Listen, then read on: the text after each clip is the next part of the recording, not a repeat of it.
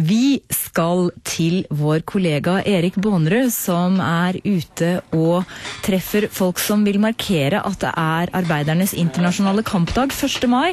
Flere fagforeninger, mange fagforeninger, arrangerer i dag felles frokost for sine medlemmer. Og eh, Oslo Sporveier er en av dem.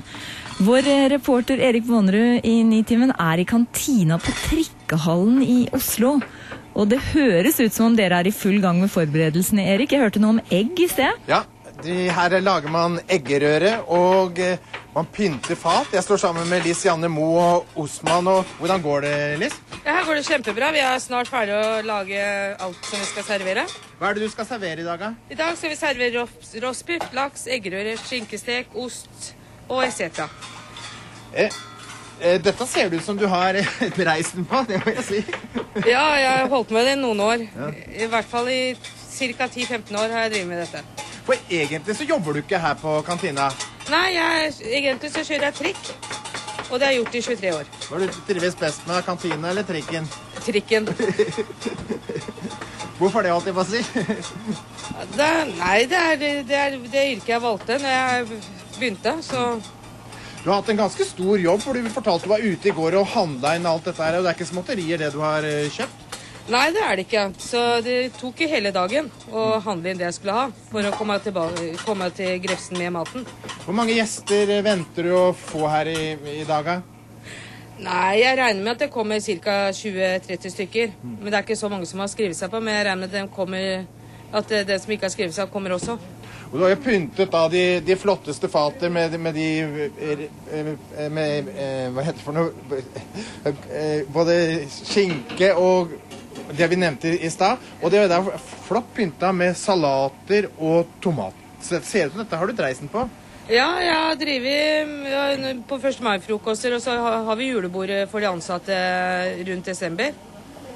Og det, det, det er det man, man lærer etter det man gjør, når vi fortsetter med det.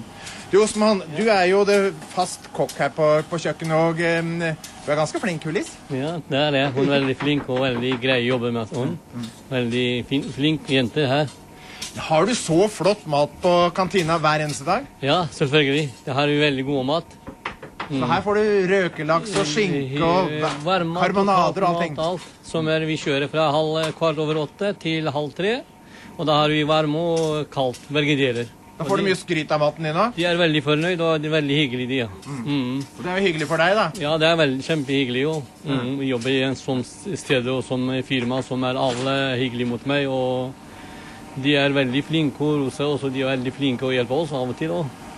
Dette er jo en arbeidsplass med mange forskjellige folk, folkeslag og, og religioner. Det gjør det vel litt vanskelig for deg når, når du skal lage stand eh, frokost, gjør det ikke det? Jo, det er litt vanskelig, men jeg har valgt, og så jeg vet hva skal jeg ha. For eksempel hvis du tenker på forskjellige folk. Vi har noen muslimer som spiser her, også. jeg har noen tilbud til dem.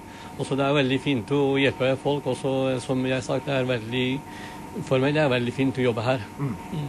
Og Karin, det er ikke bare på, på kjøkkenet det er full aktivitet. Ute i kantina så er, har de pyntet bordene med hvite duker og blomster i rødt og hvitt. Så her er det virkelig en festdag i dag. Ja, nesten som eh, Oslo Sporveis lille 17. mai, dette her da. Dette er Oslo Sporveis lille 17. mai.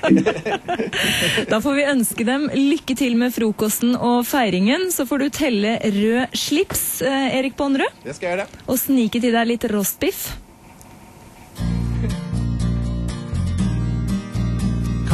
Kanskje kommer kongen hit til middag nå i dag. Vi har dekket på